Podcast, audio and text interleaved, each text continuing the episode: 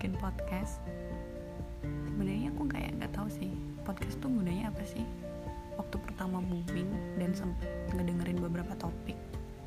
Oh ternyata mereka membicarakan sesuatu yang sebenarnya pernah kok aku juga membicarakan hal itu sama teman-teman gue sama teman-teman kerja sama pasangan sama orang tua. Uh, ternyata menarik juga ya.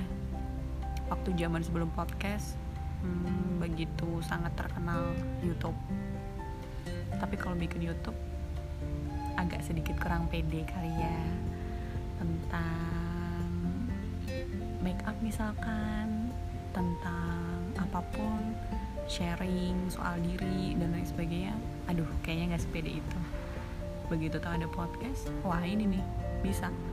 Kita bisa ngobrol bacot seenak jidat di balik HP tinggal ngerekam.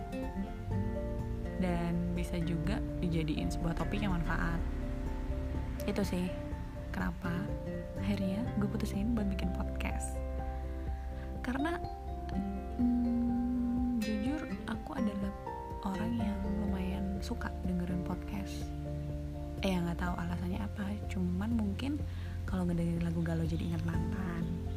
Kalau ngedengerin lagu sedih nangis. Kalau ngedengerin lagu gembira juga nggak sebahagia itu. Jadi bingung aja. Mungkin kalau misalkan dengerin podcast kayak ada sesuatu gitu yang diambil oh kayak gini nih kisah orang. Oh gini nih pelajaran hidup. Bagi gue sih kayak gitu guys. Makanya kayak lebih berguna aja ketika gue ngedengerin podcast daripada gue dengerin lagu. Tapi ngedengerin lagu bukan berarti enggak. Gue juga masih suka dengerin lagu. Cuman untuk saat ini kayak senang aja gitu ngedengerin orang ngobrol. Terus ada topiknya terus pembahasannya tuh ke arah yang bisa diambil sesuatunya dari obrolan itu. That's all sih. Itu memang yang ya akhirnya coba deh bikin podcast. Karena beberapa temen juga kayak uh, katanya gampang gitu buat bikin podcast.